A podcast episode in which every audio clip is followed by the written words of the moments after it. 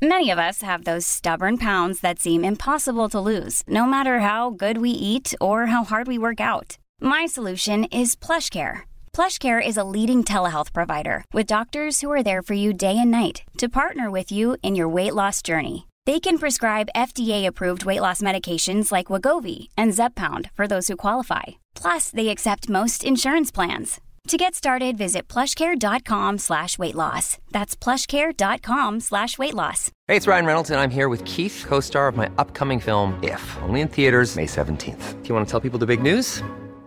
All right, I'll do it. Sign up now and you'll get unlimited for $15 a month in six months of Paramount Plus Essential Plan on us. Mintmobile.com slash switch. Upfront payment of $45 equivalent to $15 per month. Unlimited over 40 gigabytes per month. Face lower speeds. Videos at 480p. Active Mint customers by 531.24 get six months of Paramount Plus Essential Plan. Auto renews after six months. Offer ends May 31st, 2024. Separate Paramount Plus registration required. Terms and conditions apply if rated PG.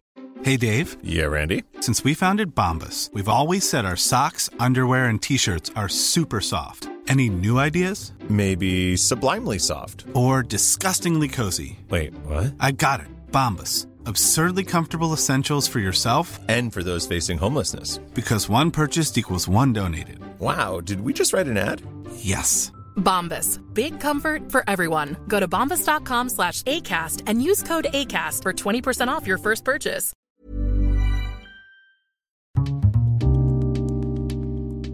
Det här programmet handlar om en noga utvald bok och ett samtal med dess författare. Välkommen till Lära från lärda. Fredrik Hilleborg vid micken som vanligt och den här veckan har jag en bok i min hand som jag läst. Den heter Makt. En av de två författarna, Alf Ren, välkommen. Tack, roligt att vara här. Jag brukar börja med att författaren får presentera sig, så jag, vi börjar där. Mitt namn är Alfred. Jag är pan-nordisk, det vill säga född i Finland som fullt tvåspråkig finländare. Bodde en stor del av mitt liv i Sverige. Eh, flyttade av komplicerade orsaker sedan till Danmark där jag nu bor i Köpenhamn fastän mitt kontor ligger i Odense på södra Danmarks universitet. Eh, gör de akademiska grejerna. Jag är självidentifierad som företagsekonom fast jag nu för tiden som innovationsforskare också tekniskt skulle kunna kalla mig professor i ingenjörsvetenskaperna.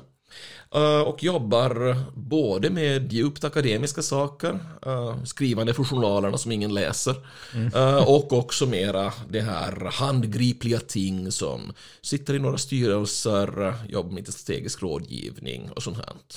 Och den här boken då, har du någon hisspitch? Vad säger du att den handlar om? Boken Makt och, då ska vi säga, andra edition eller versionen, uppdaterade versionen, är, eller försöker vara en enkel bok om någonting väldigt svårt. Det vill säga makt som är i samhällsvetenskaperna ett nästan ständigt närvarande dimension.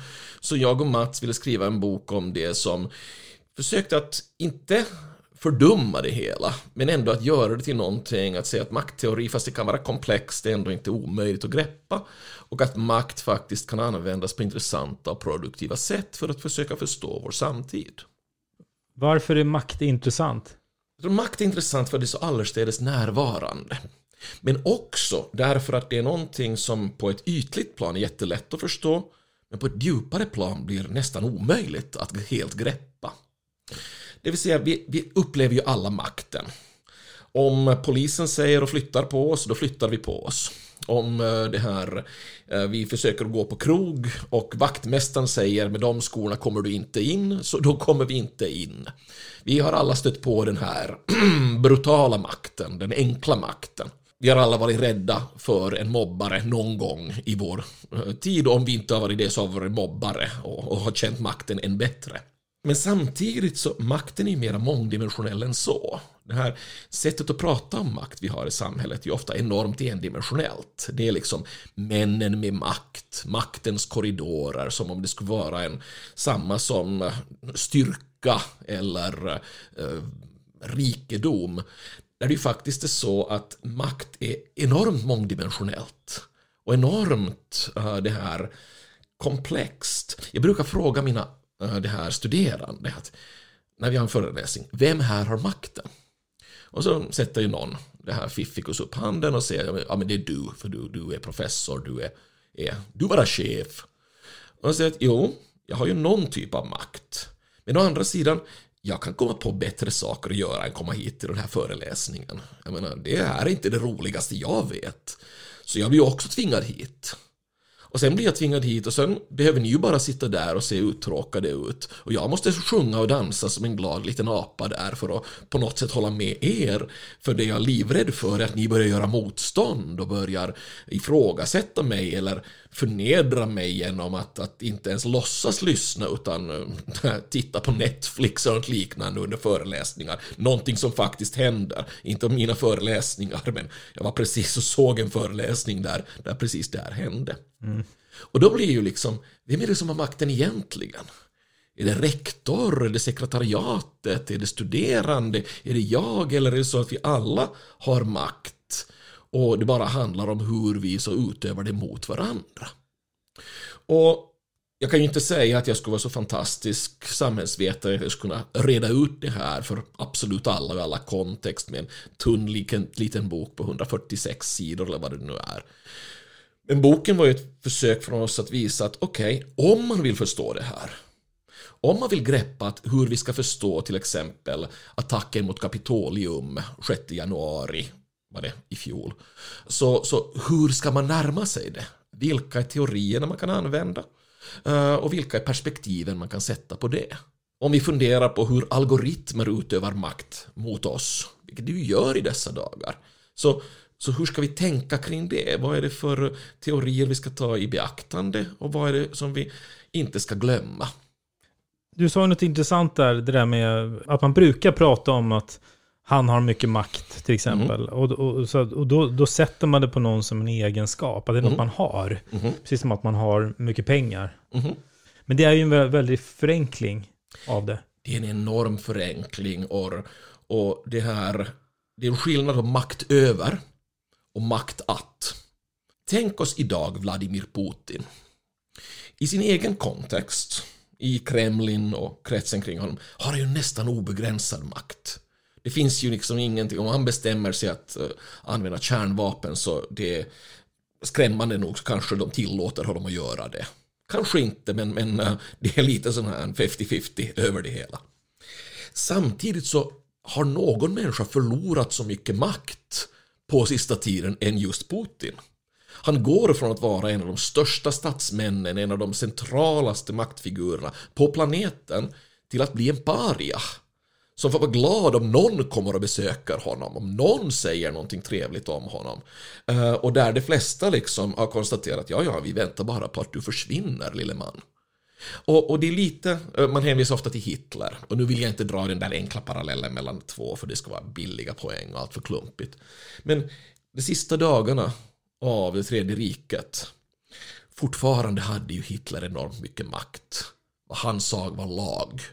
Men han sitter i sin bunker med några hundra människor och tiotusentals, eller tiotusen soldater på sin höjd. Komplett omgärdad av då dels sovjetiska styrkor men också amerikanska, brittiska och så vidare styrkor. Fullkomlig makt på en plan, fullkomligt maktlös på en annan. Och det är ju det där som gör det så jäkla spännande. Att vi kan ha personer personer som har både total och nollmakt samtidigt. Och vi kan ha situationer där någon går från att ha nästan total makt till att den försvinner på ett ögonblick. Jag är gammal nog att komma ihåg hur Ceausescu står på sin balkong och talar. Rumäniens då före detta diktator. Och ett ut tre börjar de bua. Det har aldrig hänt tidigare. Och han tittar på det hela och försöker liksom vifta med händerna och att det ska ta slut. Och det gör det inte. De fortsätter bua. Och han tittar och han förstår inte vad, vad som pågår. Mm. Vad händer här? Och i ett ögonblick, som du kunde faktiskt se, du kan fortfarande se ett YouTube-klipp, går han från att vara maktens själva definition till att se det allt krackelera och försvinna under, i, på minuter. Och det är det jag är så fascinerad av. Att vad är detta något där vi kan ha mycket men förlora det snabbt. Just där det. det kan skifta så, så hastigt. Mm. Många andra av egenskaperna vi har vår intelligens, vår titel, vår muskelstyrka och liknande, det kan förtvina men det tar ju en tid. Men makt är lite som förtroende. Det är fruktansvärt starkt när du har det, men du kan förlora det på ett ögonblick. Också om vi går bort från de här storvulna, liksom, vi pratar om stora diktatorer och liknande, till den här vardagsmakten. Om vi tar ett, ett otrevligt exempel. En, en man som i en relation är en översittare, ehm, må hända till och med misshandlare, åtminstone på ett psykiskt plan. Det går så länge som det går och sen går det inte alls. Det vill säga, eh, rätt länge kan du ha i en relation, kan du liksom använda en ganska brutal, otäck makt. Men det funkar ju bara så länge som den andra accepterar att bli kuvad, att, bli, att underkasta sig. Det är lite grann som professorn som står där och talar för studerandena. Men vad händer om studerandena bara bestämmer sig för att gå ut? Sticka? Inte acceptera makten längre? På samma sätt, nu känner jag inte hustrumisshandlare personligen, men jag har, jag har läst om fältet så, så det som ju är så svårt för hustrumisshandlare är att de inser att om hustrun bara vann, går ut, sticker, går till ett annat hem, far hem till mamma, var, var det, det, ett, tu, tre, all makt de hade, all den där kontrollen de hade, den försvinner bara att andra bestämmer att nej, jag ger dig inte makten längre. Jag tar tillbaka min makt och går. Och jag föreläste bland annat på uh, Polishögskolan kring just den här boken Makt. Så att det, det är lite det här också, att vad är polisens makt egentligen? Att, och då talar vi till exempel situationer där du har två poliser, kommer till en stökig situation och ett ut tre står där 40 människor som säger nej, ni har vapen, det har vi också. Och vi har fler vapen än er. Nu sticker ni. Vad kan polisen göra då? Inte så mycket. Du måste då ringa då efter fler poliser eller möjligtvis sticka och, och försöka lösa det här på ett annat sätt. Makt och motstånd har så många dimensioner. Och ofta har vi ju bara makt om någon annan har gett oss den makten, accepterar vår makt. Och det är de här frågorna vi så att säga försöker leka med eller spela med. För det här, jag tror att rätt många, och de som läser den här boken, rätt många har varit på lärarutbildningar. Det är ganska svårt att ha makt över en stökig klass. Sjuksköterskor. Om någon ett och tre börjar bete sig väldigt illa på avdelningen, vad kan sjuksköterskan göra eller inte göra? Eller poliser.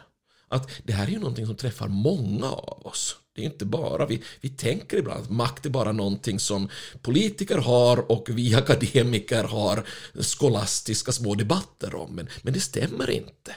Makt finns i familjen, i parrelationer, uh, det finns ute på gatan, det finns på, på vår arbetsplatsen, det finns i sjukhuset och... Uh, Alltså överallt där det finns människor. i- I princip ja. ja. I princip ja. En fråga jag har tänkt på som ni inte tar upp, men jag tänkte höra, det är ju att makt verkar ju också berusa. Alltså det, Ja. det, det är väldigt lockande. Det är bara att titta på makthavare runt Ja. om i världen. Man vill, de vill ha mer makt. Mhm. De, är aldrig, de är inte nöjda. Mhm. Du nämnde ju Putin som exempel, men det är ju, det är ju kanske det tydligaste exempel på Mm. politiker eller makthavare som vill ta den och bara ha mer, mer, mer. Så det verkar uppenbart så att det finns något som lockar. Vi, det är ju det är en dragningskraft. Det finns det säkert. Och, och där kan det finnas många olika dimensioner varför det är så berusande eller lockande. Jag tror att rätt ofta börjar det ju från att det är ju kul när saker funkar. Det vill säga, när du uh, till exempel, jag kan tänka mig, jag, jag, är, jag har aldrig varit stor på sport, men, men min son spelade fotboll när han var knatte och sen lite yngre, han höll på att bli, inte proffs, men, men det här uh, tas in i ett elitlag. Och jag reste med rätt mycket. Och det är ju någonting charmigt när du kan få elva bångstyriga ungdomar att faktiskt spela som ett lag. Genom då ibland lätt tvång men också uppmuntran, eh, förslag, idéer om strategi och liknande. Och jag kan ju förstå att någon som till exempel är tränare så att det här kan vara lite berusande att, att kunna spela 11 till 22 människor som ett finstämt instrument. Uh, och jag kan ju, jag har någon gång, jag, jag arbetar rätt mycket med att hålla tal och liknande, keynotes och den här typen. Jag kan ju tycka att det, det är lite charmigt när jag kan faktiskt hålla en hel publik i mitt grepp. Få dem att skratta när jag vill sådär.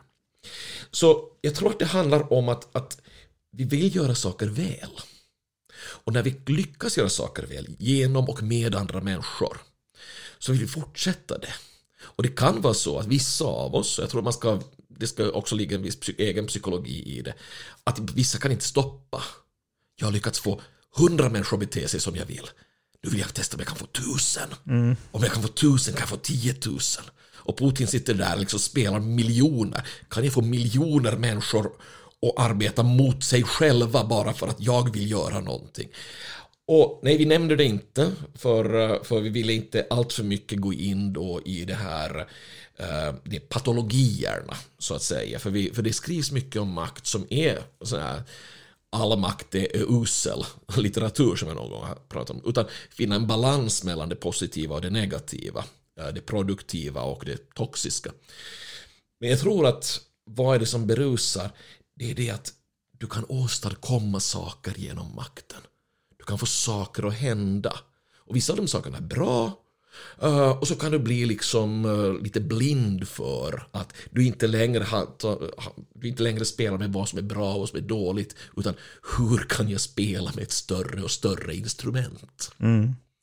Sen finns det ju det där att du, det behöver inte vara bara liksom, politiker utan det finns ju en personlighetstyp som helt enkelt njuter av att ha makt över andra människor. Eh, Polishögskolan gör jättemycket för att se till att den typens människor inte blir poliser. Precis som eh, ofta arméer försöker se till att den typens människor inte eh, får en plats i armén, framförallt inte som officer, men ibland slinker de igenom. Och då handlar det ju om en slags, jag skulle vilja nästan kalla det sadomasochism. Man njuter av förmågan att, inte ens förmågan själv ha makt, utan förmågan att andra blir underkastade. Att andra blir utsatta för makten. Jag, det här, slår ner dig för jag kan och du inte kan göra någonting åt det. Och det är ju ett av maktens absolut mest dystra och mörka ansikten. Mm. Uh, och, och det, det, är bra att du säger, jag ska kanske fundera på om det blir en tredje uppgåva att få in en, en pendang om även det. Men jag tror att vi, vi ska vara försiktiga med att inte allt för mycket tynga då på de här aparta delarna av makten, de, så att säga, de perverterade delarna av makten. För det är ändå rätt marginella fenomen. Fastän de, som precis som påpekats, ibland kan spelas upp till och med på den geopolitiska arenan. Mm. Men man kan ändå se, i alla fall om man säger mer tydlig, mer destruktiv makt och mer mm. kanske kreativ, positiv mm. makt någonstans.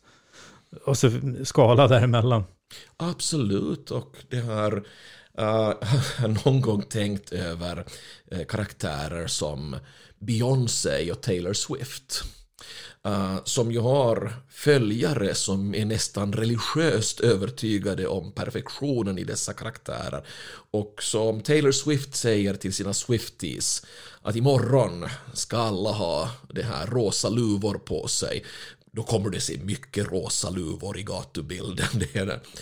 Och, och det, det är ju kanske kreativ makt på något plan. Uh, men det finns ju ett, ett uns av destruktivitet även i det.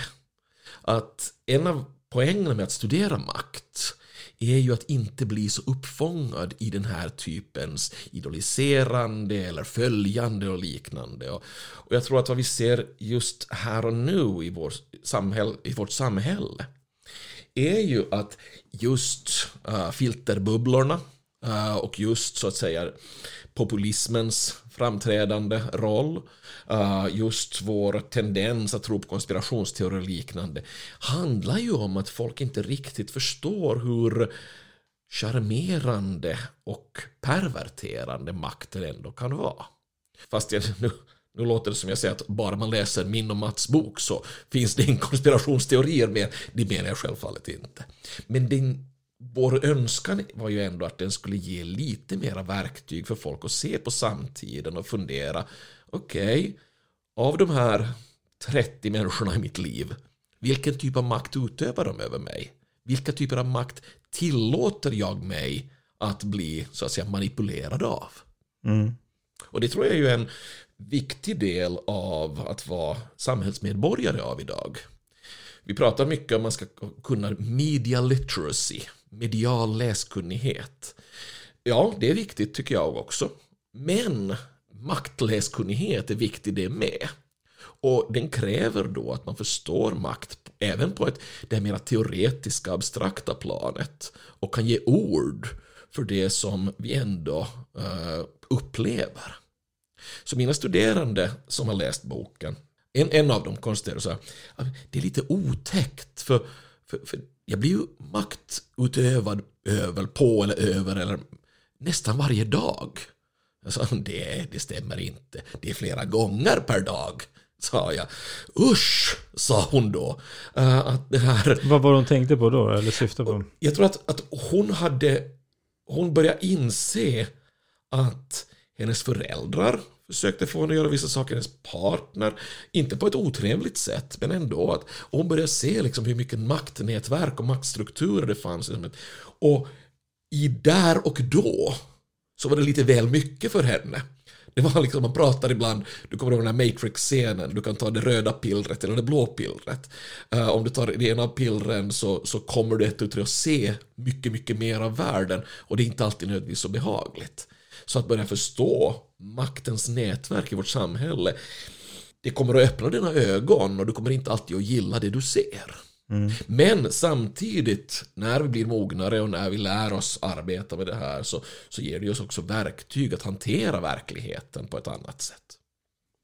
Nej, men det, det jag måste säga om boken, det är att, och det var, du var inne på det tidigare också, att eh, när man börjar läsa den så försöker jag liksom förstå, okej, okay, vad är makt? Och så ju mer jag läser, desto mer växer trädet. Så att mm. ju, ju, mer, vad ska man säga, ogreppbart blir det, alltså att det behandlar om en grej. Det är väldigt, väldigt intressant. Och, och, det är ju lite så det är med de centrala begreppen i vår värld. Uh, jag satt just och diskuterade med en, med en god vän uh, över lunch här om estetik. Many of us have those stubborn pounds that seem impossible to lose, no matter how good we eat or how hard we work out. My solution is plush care. PlushCare is a leading telehealth provider with doctors who are there for you day and night to partner with you in your weight loss journey. They can prescribe FDA-approved weight loss medications like Wagovi and Zepbound for those who qualify. Plus, they accept most insurance plans. To get started, visit plushcare.com slash weight loss. That's plushcare.com slash weight loss. Hiring for your small business? If you're not looking for professionals on LinkedIn, you're looking in the wrong place. That's like looking for your car keys in a fish tank. LinkedIn helps you hire professionals you can't find anywhere else, even those who aren't actively searching for a new job but might be open to the perfect role. In a given month, over 70% of LinkedIn users don't even visit other leading job sites. So start looking in the right place. With LinkedIn, you can hire professionals like a professional. Post your free job on linkedin.com slash people today. Hey, it's Ryan Reynolds, and I'm here with Keith, co-star of my upcoming film, If, only in theaters May 17th. Do you want to tell people the big news? All right, I'll do it. Sign up now and you'll get unlimited for $15 a month in six months of Paramount Plus Essential Plan on us. Mintmobile.com slash switch. Upfront payment of $45 equivalent to $15 per month. Unlimited over 40 gigabytes per month. Face lower speeds. Videos at 480p. Active Mint customers by 531.24 get six months of Paramount Plus Essential Plan. Auto renews after six months. Offer ends May 31st, 2024. Separate Paramount Plus registration required. Terms and conditions apply if rated PG. Läran om konsten eller läran om det vackra. Och estetik är ju samma. Det vill säga, vi har lärde oss tidigt, vackert är det vi gillar. Men sen måste vi också inse att det kan finnas en estetik i det vi inte gillar. Utan det som tvingar fram frågor. Och sen kan det finnas en estetik i det som medvetet försöker att vara icke-vackert. Det vill säga det fulas estetik. Och så kan det finnas estetik och makt. Ju mer du studerar estetik, ju mer börjar du inse att det finns överallt och därmed ingenstans. Makt är lite liknande vi kan inte bli kvitt makten. Den kommer alltid vara där, på något sätt, i någon mån. Ofta i flera, olika, i flera olika tappningar, i flera olika versioner. Och ja, det, det är stökigt och suddigt ibland och svårt att greppa. Men det måste accepteras. Ni pratar ganska mycket om språk, språket. Mm. Hur det påverkar det här också. Varför då? Till en del handlar det om att, att Mats är, han är inte språkvetare, men Mats forskningsfält har ofta varit just språket och hur vi genom att beskriva saker på vissa specifika sätt kan utöva makt över folk och också uh, få makt för oss själva. Att kunna definiera är en, en maktdimension i sig. Kan du ge exempel? Ja, till exempel så här. Vad det innebär att vara stökig flicka. Det vill säga vad det händer om så att säga, socialarbetare eller skolor och liknande börjar sätta på dig den här lappen att du är en stökig tjej. Vad innebär att vara stökig? På något plan, vi, vi kan få den här bilden i hjärnan över vad en stökig tjej är. Vi har alla känt någon som vi kan ge den lappen till. Men samtidigt så är det, är det stökigt att ställa många frågor. Är det stökigt om frågorna är sådana att vi har svårt att besvara dem? Är det stökigt att vara högljudd? Kan man vara lågmäld och stökig samtidigt? Det är stökig låter som det ska vara väldigt enkelt. Men Mats har i vissa andra studier visat att hur mångdimensionellt det ändå är att få den här stämpeln av att vara stökig. Jag har till exempel ibland varit intresserad av, av termen innovation. För jag råkar vara professor i innovation så då måste man ibland försöka att vara intresserad av det. Uh, vad är en innovation? Vi kan alla nämna vissa saker. Vi kan peka liksom på, uh, du har en, en så här röde uh, så här box där som är en innovation inom podcasting. Uh, vi kan peka på våra smartphones och liknande, så det, det, är ganska lätt. Men sen är ju också innovation det att, att få kunna kalla någonting en innovation är ju också en maktdimension. Eh, min nya tjänst eller min nya produkt är en innovation och genast blir det någonting bättre. Vi vet inte riktigt hur, det är nästan magiskt. Men bara det att vi liksom nämner det som en innovation ger det en aura, en, en det här känsla av att detta är någonting värdefullt, någonting betydelsefullt. Och så är jag då professor i innovation, så på ett plan har jag nästan institutionell rätt att gå omkring och nämna folk som innovativa. Det här, ska ni veta, är en innovativ studerande. Och på något nästan magiskt sätt har jag använt språket och min titel, som är en del av språket, och min institutionella position för att då sätta lite guld, det här, så här guldflagor över den ena studerande bara genom att benämna denne som innovativ. Så här kan vi genom hur vi använder språket, hur vi sätter stämplar, positiva och negativa på saker, kan vi så att säga, göra vissa schackdrag i maktens spel. Vi ville ju liksom ta det till så här enkla saker i den där boken. Eh, ofta försökte vi ha våra exempel så att de är vardagliga och så att vi kan lätt känna igen. Eh, för att ofta blir ju liksom makt det här om partiet bestämde si eller så eller statsministern har gjort följande det här lagförslag, den här typen saker. Och jag, jo, det är också makt. Men makt kan helt enkelt vara det att läraren i en klass har rätt att säga vem som är stökig och vem som är duktig. Mm. Stökig, duktig. En enkel sak som sker i tredje klass kan påverka barn hela vägen genom deras utbildning, till och med hela vägen genom deras liv. Så språk kan nog ha mycket makt. Och en person kan till och med utan att riktigt veta vad hen gör ha utövat väldigt mycket makt genom språket. Till exempel att en lärare som säger ja, Lisa här är ju lite stökig kan ju bara genom den språkakten faktiskt ha, om nu inte så här förstört Lisas liv, men ändå gjort en relativt stor inverkan på Lisas framtida skolgång och den vägen på den karriär hon väljer eller det liv hon får. Så språket ska inte underskattas för den makt som finns i det. Jag tänker på Donald Trump som är en mästare på att använda språket för mm. makt. Alltså uttrycka sig och, ja. och komma på ord och förminska någon och så vidare. Absolut, och, och det, Trump är ju lite ett problem inom maktforskningen. För eh, vad gör man när en person blir, blir en slags maktens karikatyr? Tidigare kunde vi ju låtsas om en president som beter sig på ett visst sätt för att skapa en slags eh, karikerad bild av makten. Och så går Carfan och faktiskt gör exakt samma. Vi säger okej, okay, våra berättelser är inte ens lika spännande som verkligheten längre det här med frihet och makt, och du kanske sa det lite, lite Mm. in på det förut, att, att ibland är det ju att man nästan kan känna att vill, alltså det gör ingenting. Så att, säga. Alltså, så att makt behöver inte vara, alltid vara tvingande. Mhm. Alltså, makten ger ju oss i princip en slags alternativ. Det vill säga, att komma in i en viss position, maktposition kan ju vara väldigt, eh, ge dig väldigt mycket frihet eller binda upp dig väldigt mycket. Få människor är väl mindre fria än en statsminister till exempel. I- Jag är ju finländare ursprungligen. Vi hade en statsminister som en dag bestämde sig för att ha fest med sina kompisar. Hon miste nästan jobbet. Bara för att hon dansade och eh, möjligtvis hade druckit några glas vin. Uh, så en statsminister kan ju vara jätteofri. Samtidigt så kan en professor som jag ha enorma frihetsgrader. Det här, så länge min undervisning funkar sådär och jag tar in tillräckligt mycket pengar så ingen frågar ju efter vad jag gör. Jag kan gå omkring och liksom slå dank halva dagarna och dricka resten. Uh, vi vill påpeka här nu på podden att det gör jag ju inte, men jag skulle kunna. Uh, så makt är inte endimensionell. Nu upprepar jag mig, men i alla fall. Utan makten visar liksom att vi både kan bli fångar av den och bli befriade av den.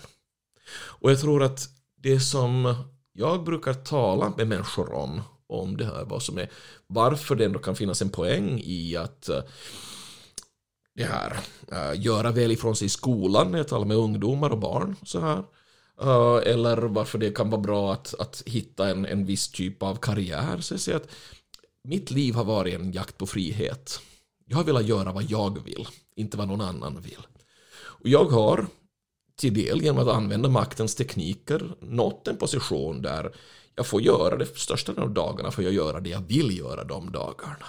Och det tycker jag är fantastiskt kul. Och det njuter jag enormt av. Och, det önskar jag fler skulle få. Och eh, jag tror att till en del handlar det om att förstå sin egen roll i maktens nätverk och kunna då hitta den position i dessa nätverk som möjliggör frihet. Uh, vi behöver inte alla göra så här 9 5 jobb som alla andra för att det är bara så man gör. Och jag försöker lära mina egna barn att nej, gör inte saker bara för att ni tror att jag blir glad. Gör inte saker för att ni gör era lärare glada. Gör inte saker för att samhället klappar händerna för om ni gör dem. Gör det som ni njuter av. Var, var liksom på ett, på ett vettigt plan egoister och hedonister. Försök hitta den frihet ni kan och den njutningar ni kan för världen är svår nog uh, för att liksom låta maktens apparaturer pressa ner en och inte ens försöka göra motstånd mot det hela. Jag tänkte också vi ska ta upp, eh, ni skriver om det här med algoritmernas makt, Mm. som ändå är en, en vad ska man säga, eh, ja men som vi problematiserar kring. Det är ändå Mm. ett fenomen som är, är starkt och Ja. växer, får man väl säga. Eh, och hur eh, skulle du beskriva det? Varför har det med makt att göra och varför är det delvis ett bekymmer? Alltså, algoritmens makt är ju ett, ett, ett särpräglad form av makt. För normalt kan vi ju ändå spåra makten till en persons beslut, eller åtminstone ett beslut som fattas mellan personer, en, en förhandling, något som skapas i, i en förhandling mellan två, tre, fyra, åtta parter. Uh, algoritmernas makt handlar ju om det att någon har skapat ett system som sen automatiskt genererar, vi skulle kalla det makteffekter. Eh, du matar in i den stora apparaten eh, vad folk tjänar i lön, vad folk har betalat i skatt och sen får du veta att ja, ja, följande människor ska få lägre skatt för att det är positivt för eh, samhället. Men ingen har fattat det beslutet. Det är en algoritm som har genererat den idén och så blir det taget beslut på det. Eller, vi pratar mycket om algoritmer i sjukvården. Där man försöker då använda algoritmiska system, konstgjorda intelligenser etc. För att då hitta bästa sättet vi använder sjukvårdens begränsade resurser. På en plan kan det här vara positiv makt. Det vill säga, vi får ett, ett väl fungerande system, kan hitta ett optimum. Eh, hitta en lösning på den här typens frågeställningar som är bättre än någon mänsklig agent ska kunna göra. En jätteväl programmerad algoritm skulle kanske kunna faktiskt göra de bästa medicinska besluten. Samtidigt är det väldigt svårt att veta hur väl den är programmerad. Man pratar ibland om den svarta lådan, the black box. Algoritmer är ofta black boxes, det vill säga det är inte transparent hur de fattar beslut. Så om du idag skulle bestämma dig för att eh, du vill ta ut ett huslån uh, och kontaktar din bank och sätter in här, det här är vad vi tjänar och det här vi vill ha och så här. Så rätt mycket av vad du får tillbaka är faktiskt genererat av en algoritm. Och säger algoritmen, det har inte ni råd med. Så det här, man, man frågar sig, vad vet vi om hur den kom fram till det? Tittar den på bara det ni skickar in? Har den annan information? Eh, eller gillar den helt enkelt inte folk som heter som dig? Mm. Och det är ju det här som, som vi går och ofta och funderar på att när automatiserade system av den här typen, AIs etc. blir mer och mer utvecklade, jag ska inte säga bättre och bättre, för det är en moralisk uh, utan mer och mer utvecklade, så kan vi hamna i en situation där vi, vet mindre, där vi vet mindre och mindre om besluten den tar. Och att de här besluten blir större och större. För banker förstås vill gärna ha automatiserade system, för det är mycket lättare och billigare att generera resultat på det här sättet. Men ändå så kommer det fatta beslut som påverkar våra mänskliga liv utan vi vet varför vi blir påverkade som vi blir påverkade. Och nu ska vi komma fram, nu ska vi konstatera att vi lever i tidiga dagar av en revolution. Det vill säga AI är inte jätteutbrett ännu. Algoritmerna bestämmer vissa saker, Eh, men oftast ligger det en människa bakom. Men vi har sett sista tiden hur utvecklingar i AI faktiskt nu kommer snabbare och snabbare och snabbare. Så det handlar om att få folk att förstå vad är en algoritm? Jag menar, bara den frågan är lite komplicerad. Vad, vad tror vi det är? Och det är en regelstruktur som funkar enligt sin egen programmering och enligt data det fått in. Och som kan utöva makt över oss helt blint. För den algoritmen som säger att du inte ska få huslån, den känner inte dig. Den vet inte ens om att du finns. Den vet inte ens om att du är en människa. Den vet bara vissa tal som den har sen kört med andra tal och sen kommit fram till ett nekande beslut. Mm. Och då är det ju ganska långt. Du, du är inte bara det här att du har fått ett nej, du har blivit utövad makt av en algoritm. Du har blivit utövad makt över av någonting som inte har den blekblåaste aning vad det innebär att vara människa. Det är inte bara att den inte känner dig, den vet inte ens vad en människa är för någonting. Mm. Och vi filosofiskt är vi då inne på, på rätt, rätt konstiga vatten. För jag menar, säga vad man vill om en diktator som Ceausescu. När han förtryckte människor så han visste ändå att det var människor han förtryckte. Han hade någon typ av förståelse vad det var för typ av handlingar han gjorde. Men en förtryckande algoritm det skulle jag kunna programmera över de kommande dagarna och den kunde göra ohyggliga saker med människor utan att ha en enaste aning om vad termen människa är, eller frihet är, eller lidande är. Så vi har, vi har som människor kommit snabbt in på väldigt djupa vatten. Och de få sidorna vi dedikerar till algoritmens makt är ju blott ett ytskrap av det här. Men det är igen en slags liksom pekfinger som säger hej, det här ska vi hålla ett öga på. Mm. Och jag håller på att skriva en hel del annat om just algoritmisk makt uh, som, som inte finns med där, men, men det är ett uh, exploderande område. Mm. Det, det, påverkar redan uh, din ekonomi. Det påverkar din anställning om du jobbar på ett större organisation. Uh, det påverkar hur trafiken går i uh, Stockholms stad. Det påverkar hur, vem som får liksom gå före i operationskön. Folk förstår inte ännu hur många algoritmer det redan finns som definierar våra liv. Mm, jag har två frågor kvar. Den första frågan är, är det någon pusselbit vi inte har nämnt som du vill nämna om boken? Tycker att vi har täckt mycket, men är det ja, någonting du tänker på? Uh, det som jag kanske skulle lyfta fram, till en del för att vi nästan måste lyfta fram det, uh, är ju makten som finns där vi inte tänker att en makt kan finnas. Uh, och, och, det låter ju väldigt djupsinnigt, men det är det egentligen inte alls. Uh, vi skriver en del i boken om att ja, makt kan ju finnas också på överraskande sätt och, och då hänvisar särskilt då till naturen. Uh, det vill säga, ofta har vi tänkt att makt bara handlar om människor. Det är mm. någonting mellanmänskligt, någonting vi utövar mot varandra. Men vi håller ju på att hamna i en värld där naturen sparkar bakut och konstaterar, ska ni hålla på på det här sättet? Ja, då ökar vi temperaturen här uh, tills, tills ni försvinner, om man nu hårdrar det väldigt mycket. Så det här, det finns ju också det att världen kan utöva makt mot oss.